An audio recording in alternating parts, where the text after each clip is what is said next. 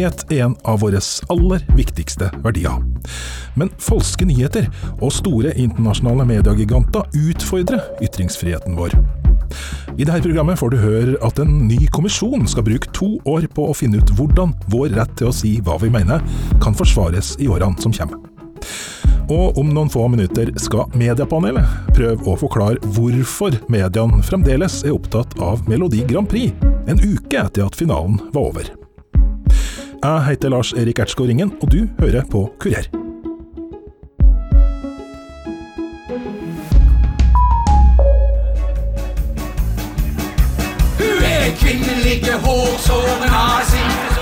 Denne revysangen med Løgnaslaget er et eksempel på hvor sterkt ytringsfriheten står i Norge.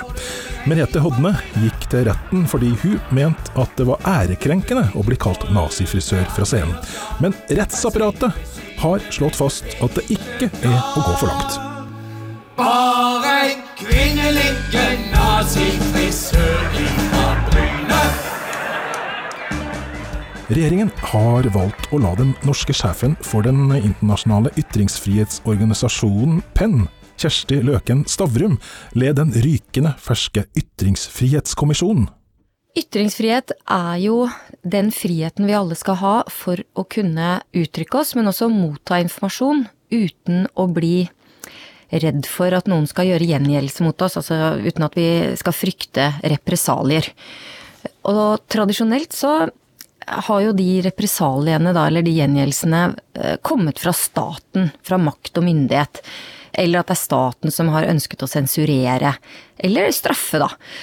Men nå er jo de kreftene flyttet seg på en måte vekk fra staten og ut blant folket, sånn at nå er det jo mye mer den frykten man har kanskje for at arbeidsgiveren straffer deg for at du har vært ute og ment noe, eller at det er noen i sosiale medier som er ute etter deg, som plager deg, som driver med hat og hets. Eh, Eller på andre måter ødelegger det som er hensikten med ytringsfrihet, da, som er at vi skal ha en åpen og offentlig opplyst samtale, sånn at vi tar gode valg til syvende og sist. Ytringsfriheten din er ikke bare beskytta av Grunnloven, men òg av den internasjonale menneskerettserklæringa. Den er en, den er en grunnleggende menneskerett eh, nettopp fordi det er en anerkjennelse at vi, at vi skal ja, vi skal føle denne tryggheten, denne friheten for å danne oss meninger, for å kunne ytre meningene våre, og også retten til å motta informasjon. Jeg er like opptatt av det, egentlig, for det er ikke bare det at vi skal kunne mene ting, men, men vi skal også motta informasjon, eh, og at det også er en del av den friheten. Er det dette skattepenga mine går til? Dere er alle samme ulla. Alle skal bli knulla. Mulla, mulla, mulla, mulla, mulla. Ytringsfrihetskommisjonen, som Kjersti Løken Stavrum er blitt leder for, har til sammen 18 medlemmer. Og blant de her finner vi Shabana Rehman, Vebjørn Selbekk, Mimir Kristiansson, Kjetil Rollnes og Magdi fra Karpe, som vi hører her. Og det er så lett å være baby, i leiligheten din. Det er så lett å være baby, i leiligheten din. Det er så lett å være baby, i leiligheten din i Bergen.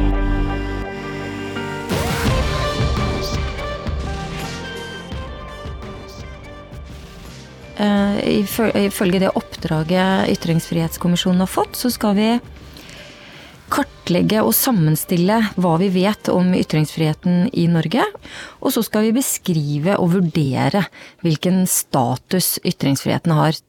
På den ene siden så er det jo ikke tvil om at vi alle egentlig har fått bedre vilkår for ytringsfrihet enn det vi hadde for 20 år siden. Altså, sosiale medier har, eh, har jo endret den muligheten vi har til å fortelle hva vi er opptatt av, og til å se hva andre er opptatt av, på, på en revolusjonerende måte.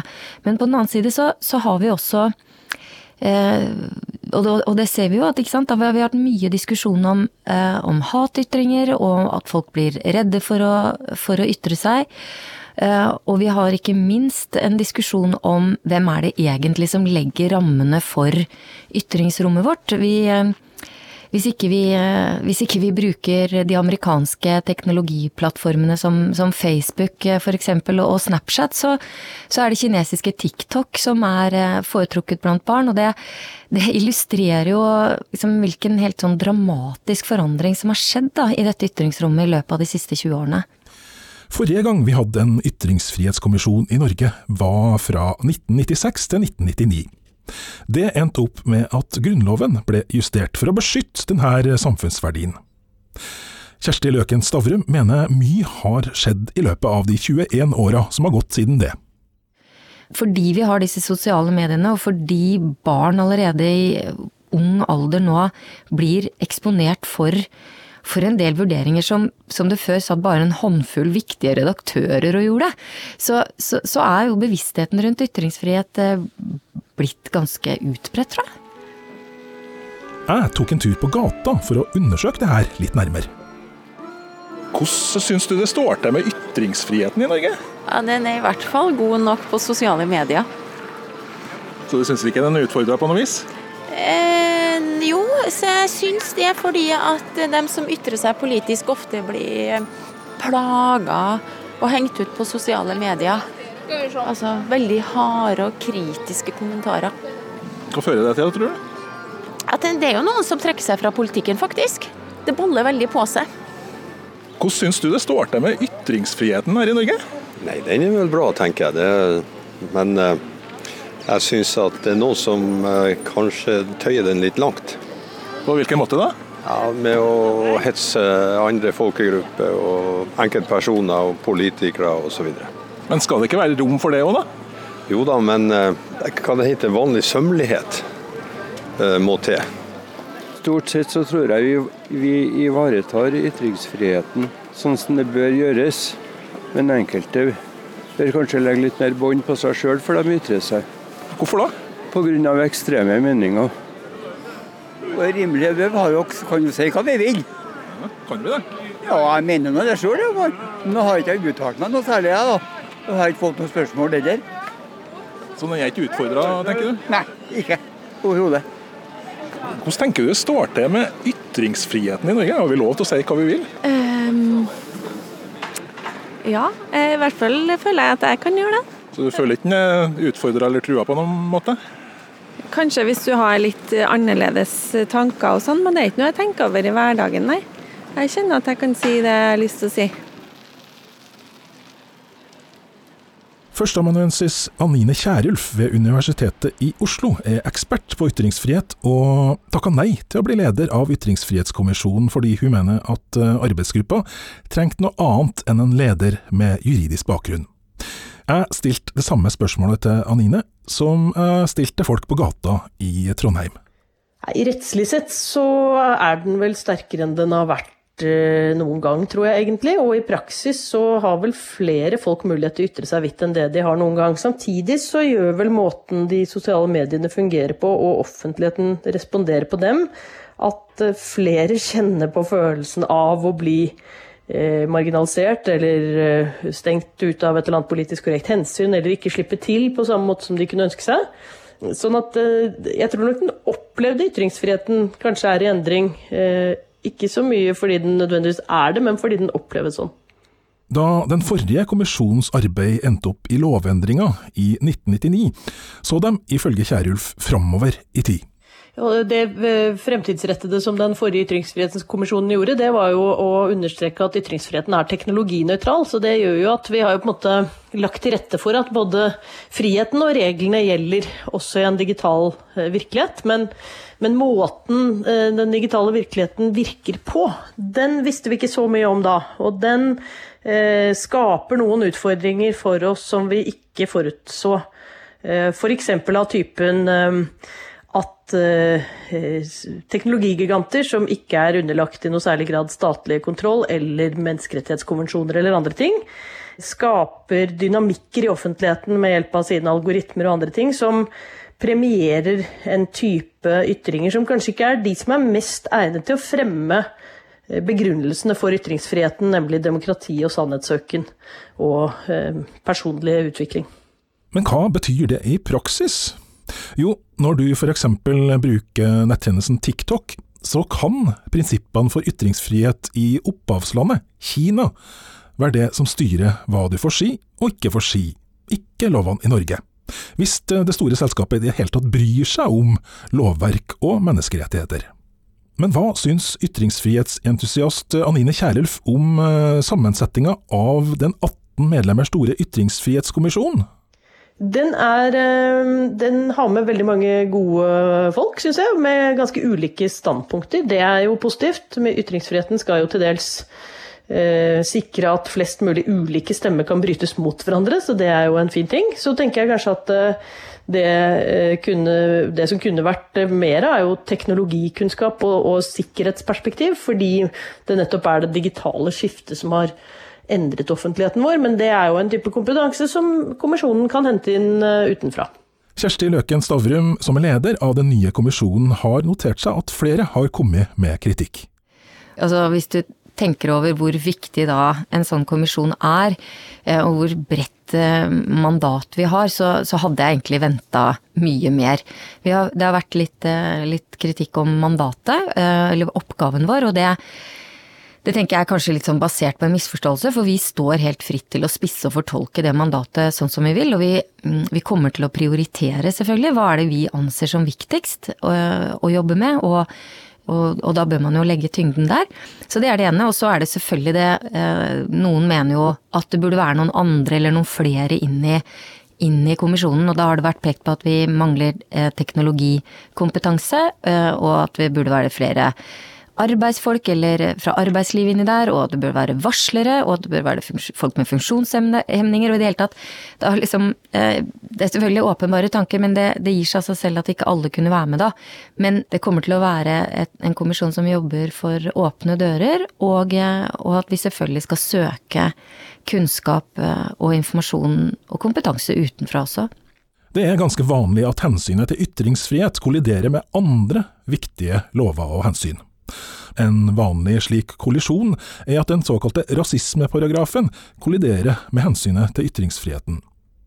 To rykende ferske dommer i Høyesterett slår fast at åpenbart rasistiske ytringer ikke beskyttes av ytringsfriheten. Kjersti Løken Stavrum signaliserer at det kan bli nødvendig å gjøre lovverket tydeligere for å gjøre det her klart for folk. Vi har jo um, paragraf 185 i straffeloven, som jo akkurat var oppe i Høyesterett da Høyesterett vurderte ytringer fra to personer i sosiale medier. Og før så var det redaktører, erfarne redaktører, som satt og gjorde publisistiske vurderinger hovedsakelig om hva slags informasjon som skulle komme ut. Nå, nå sitter en 13-åring og gjør de tilsvarende vurderingene, egentlig.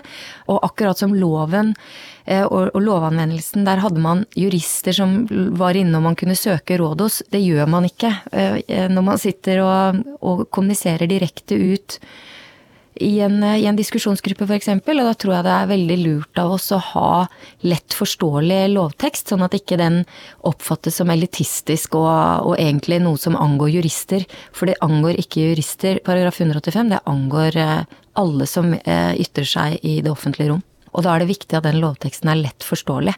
Eh, og det syns jeg vi skal se litt på. Her er døme på uriktig informasjon om koronaviruset som har blitt spredd på sosiale medium. Denne skjermdumpen syner ei forfalska utgave av VG sin nettside. Sjøl om ytringsfriheten står meget sterkt i Norge, finnes det utfordringer. En av disse utfordringene er framveksten av falske nyheter. Årsaken til at vi har ytringsfrihet er jo egentlig ikke at vi skal stå og rope til hverandre, eller at vi skal liksom kunne si all verdens eh, ting som vi, eh, som vi måtte føle for. Poenget med ytringsfrihet er at vi til syvende og sist da skal få denne opplyste offentlige samtalen. Og den blir jo helt forurenset i det øyeblikket vi får innslag av desinformasjon. Anine Kierulf eh, peker på et annet felt der ytringsfriheten ofte blir svekka. Alle er for ytringsfrihet i det abstrakte, men straks det fremkommer ytringer som de selv av en eller annen grunn reagerer sterkt på, så blir det mer fristende å begrense de ytringene. Sånn at det å holde tunga prinsipielt rett i munnen i møte med ikke bare de ytringene du selv på en eller annen måte ser en verdi i, men også de andre, det tror jeg er vanskelig helt generelt som for mennesker. Kjersti Løken Stavrum, som altså er leder i Ytringsfrihetskommisjonen, ser òg de samme utfordringene. Det å være krenket er jo, er jo hva skal man si, det, det, er noe som, det er en sykdom som går der ute. Men når det kommer til dette fenomenet krenking, så virker det til dels eh, litt sånn smittsomt. Eh, og at man forvirrer og forveksler det å føle seg på en måte såret eller eh, irritert, eller at man ønsker at noe skal være, ikke skulle vært sagt. At man forveksler det med med at det er et brudd på rammene for ytringsfriheten. Vi må se på om det er gode, gode rammer for kontroversielle ytringer. Eh, og jeg har, må jeg innrømme, veldig sans for kontroversielle ytringer, for det er ofte det, som driver bevisstheten vår framover, så fremt det ikke er kontroversiell på en måte som, som er direkte skadelig, og da er det i tilfelle straffbart.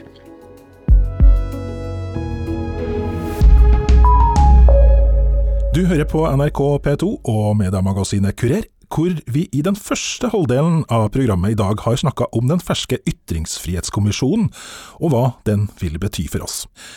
Men nå har jeg fått besøk av politisk kommentator Linda Bjørgan fra NRK Trøndelag, og journalist Ågot Oppheim fra Adresse her hos meg i studio. Og i Oslo står Dagbladets kulturredaktør Sigrid Hvitsten. God ettermiddag. Hei. God ettermiddag. Hallo. I kveld er det akkurat ei uke siden utgangspunktet for eh, ei av ukas mest fyldig dekte nyhetssaker. Ja, som eh, du som ser på nå kanskje har merket, så er det litt trøbbel med det stemmegreiene. Det er sånn at uh, internett har ikke kommet helt i mål. Vi er i 2020. Og det har jeg visst ganske lenge, for jeg er veldig svak for brevgiro. Og du ja. er jo veldig skeptisk til internett sånn generelt. Jeg er jo så off-grid som det går an å få blitt. Eh, jeg har jo ikke lappen engang og sykler og syns internett er noe vanskelige greier. Men uh, det jobbes nå på spreng for ja, å prøve å ordne opp i det. Men nå er det altså nede. Det er nede. Men så er det sånn at Ja, Det er sjølsagt uh, Melodi Grand Prix-finalen her i Trondheim, og stemmekaoset i kjølvannet av den vi snakker om. Norske medier har skrevet mye variert og lenge om denne saken gjennom hele uka. Sigrid Hvidsten, hva er det som gjør det her til så bra stoff hos dere i Dagbladet? Altså, Melodi Grand Prix skal jo være en folkefest, og når det går galt, så får folket da et enormt informasjonsbehov. De lurer på hva er det som har skjedd, hvordan kunne dette skje, og hva blir konsekvensene? Og det er flere årsaker da, til Melodi Grand Prix-kollapsen, som vi tabloide liker å kalle det. altså, MGP-finalen er en nasjonal TV-begivenhet. Det er en de få samlende programmene vi har igjen i Norge. Familier ser dette sammen, vennegjenger har fest. Og det viktigste premisset for Melodi Grand Prix er jo det at det er folket som skal stemme fram en vinner. Altså folk sitter hjemme i sofaen og stemmer fram en som skal representere Norge i en internasjonal eh, konkurranse. Eh, og når det da kollapser, og de ikke får lov til å stemme slik de var forespeilet, da, så bryter NRK på en måte seerkontrakten. Det ble ikke sånn som de ble forespeilet, og da ble de sinte og skuffet. Eh, Men i tillegg til at folket er skuffet og lei seg og føler seg litt lurt, så har du jo artistene, kjendisene, som har jobbet med dette her i månedsvis, eh, og som nå på en måte ikke har fått valuta for de pengene eller blod, blodet og svette og tårene som de har lagt inn i arbeidet. Da. Så at de er rasende, det, det, skjønner jeg faktisk veldig, veldig veldig godt. Så du har på en måte både folket på den siden og artistene eh, på den andre siden, og så har du det store spørsmålet hvordan kunne dette skje? Hvordan har dere merka det her engasjementet hos folk eh, hos dere i Dagbladet? Med en gang stemmesystemet kollapset, så kunne vi jo se at folk kastet seg over eh, mobiltelefonene og prøvde å finne ut av hva det var som skjedde. Og NRK klarte ikke å gi den informasjonen til leserne. Eh, de klarte ikke å eh, stagge det informasjonsbehovet, da, og da gikk de til oss, og VG sikkert da, og Aftenposten. Men du kan si klikktallene økte enormt akkurat der og da. Ja, hvor populære har de her sakene vært gjennom uka? De har vært veldig, veldig populære. Du kan si søndag så hadde vi en trafikk på kultursidene i Dagbladet på nett som var fire-fem ganger så mye som vanlig. Ja, Linda Ågot, det sier vel litt om engasjementet hos folk her? Ja da, du har en kombinasjon av flere ting her da, men du har et, eh, en kombinasjon av uh, Melodi Grand Prix og NRK, uh, som veldig mange har et elsk-hat-forhold til. Uh, og det er jo mange som, av motstanderne og dem som syns at dette er, er dumt, som, som godter seg litt nå på at dette gikk galt, i hvert fall på, på NRK sin vegne. Og galt gikk det jo. Og når NRK ikke klarer da å håndtere dette her på en annen måte enn det som ble gjort, så er den ganske naturlig. Men det viser jo hvor fantastisk stilling både NRK og ikke minst Melodi Grand Prix, denne 60 år gamle konkurransen med musikk som eh, og artister som ingen har hørt om før, og kanskje ikke kommer til å høre om etterpå heller, mange av dem iallfall. Og likevel så går vi bananas i stovene våre. Vi roper skandale, og vi kjenner det i magen og i eh, raseriet bobler. Jeg tror vi alle kjenner det alle som så finalen og prøvde å stemme, kjente på det. Og eh, der jeg satt iallfall, så var det både unge og eldre som ropte 'skandale'. Dette går jo ikke an. NRK greier i alle fall fortsatt å skape sterke følelser. De greier å, greier å samle folket. og eh, det store medieengasjementet handler vel om det, at folk flest faktisk ser på Melodi Grand Prix, og de vil være med og bestemme. Og nå kan ikke folk vite om det var den artisten som de stemte på, som hadde vunnet hvis folket hadde fått lov til å stemme. Det vet vi ikke. Vi kan tro, det, vi vet, man kan tro noe om det, men vi vet ikke. Altså, skandalen kan du si da, den eh, økte, økte i omfang idet det ble klart at folkejuryen, eh, som endte opp med å bestemme hvilke fire det var som gikk videre til gullfinalen, ikke hadde sett selve showet. Altså, de hadde ikke sett performancen til artistene. Eh, og det er jo ganske uhørt, egentlig, fordi at artistene legger jo vanvittig mye blod, svette og tårer, og penger ikke minst, inn i hvordan de framstår på scenen. Så at bare låta skal bety noe, det eh, skjønner jeg godt at de ble veldig, veldig irritert eh, over. Altså, de sier jo at ja, Grand Prix er en låtkonkurranse, men alle som sitter hjemme og ser på, vet jo at eh, de vil jo ha show. Og så er det jo kontrakt med oss som, som seere. At vi, har, vi skal være med å bestemme. Det ligger i bunnen at folk flest skal bestemme. Og det fikk ikke folk flest. Det var et bitte, bitte, bitte, bitte lite utvalg av folk flest som fikk bestemme. Og jeg veit jo ikke heller hvem disse folk flest var. Sigrid nevnte jo i innledninga at det her er en av veldig få sendinger som samler hele Norge. Hvor viktig var det for at det har blitt en så stor mediesak? Helt åpenbart kanskje den eh, viktigste. Eh, og det dette showet fra Trondheim eh, var jo et av tidenes nasjonale Melodi Grand Prix-show, faktisk. Sånn at lista var jo lagt veldig høyt på at det her skulle bli den helt store greia. Folk satt klar, og NRK hadde på forhånd gått ut og, og sagt at nå skal vi ha et nytt stemmesystem som skal gjøre det enklere for folk. Så hele grunnlaget for at det her skulle bli en suksess, var jo egentlig lagt. Og da, når du har lagt lista så høyt, da er det veldig fort at du går på en mageplask når du ikke klarer å håndtere det som da skjer etterpå. Sigrid, før vi starta sendinga, så, så, sa du til meg at det her er egentlig en sånn perfekt sak for dere i eh, tabloidpressen. Hvorfor, hva er det for slags punkt det som dere eh, har tikka av på denne saken? Det er eh, sant, folkeengasjementet. En av eh, årets største TV-sendinger som eh, går galt. Det er NRK, som leserne våre alltid er interessert i å lese om. Og det er kjendiser. Og ikke, ikke, ikke minst er det på en måte en løpende nyhetssak som utvikler seg hele tiden. Fordi vi Først skjønner man jo ikke hvorfor, hvordan kunne dette skje, og så får man små drypp 38 millioner emojis det er jo ganske absurd, ikke sant. Og så kommer det ny, et, et, nytt brekk, som da er uh, så, uh, Folkejuryen så ikke selve uh, showet. Og så får vi reaksjoner på det. Så det er på en måte en det er en skandale som utvikler seg, og, og som hele tiden har nye elementer som er litt oppsiktsvekkende, og som gir en slags sånn wow-effekt. Det er vel det som er oppskrifta på at folk bryr seg over mange dager, rett og slett. Så, det er det. Mm. så egentlig er det her bra, da? Ja, egentlig så er det bra, og det, det appellerer jo til rettferdighetssansen i hver enkelt av oss, egentlig, om folk syns at det her var rettferdig at de ikke fikk stemt, og at det var rettferdig at det var en jury på 30 personer som ikke engang skulle se hele showet og gi sitt, ta, sine stemmer på, på, vegne av det. Eh, så ja, det er et, et folkeengasjement, og jeg tror det er bra at det blir belyst, og at folk faktisk bryr seg, for alternativet er jo at folk er likegyldige, og da vil jo denne konkurransen etter hvert dø ut. Det er jo litt sånn at alle som satt der hjemme og prøvde å stemme, de var jo plutselig personlig berørt også. Eh, så, så de fikk ikke gjort noe de ble forespeilet at de skulle gjøre, og dermed så er de interessert.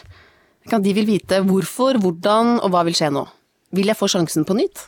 Så denne skandalen, hvis vi skal kalle det for det, er egentlig ganske fin for NRK. De har fått demonstrert hvor viktig det er for folket. Den som sa det, heter Ågot Oppheim og er journalist i Adressa. Du hørte også politisk kommentator eh, Linda Bjørgan i NRK Trøndelag, og kulturredaktør Sigrid Vidsten i Dagbladet. Takk for at dere tok turen til studio. Hvis du har en reaksjon på dagens program, eller eh, kanskje har et tips til ting vi kan ta opp i framtida, så vil vi gjerne høre fra deg. Og da kan du bruke e-postadressen kurer, krøllalfa, nrk.no. Jeg heter Lars-Erik Ertsgaard Ringen, og er tilbake med Kurer neste lørdag.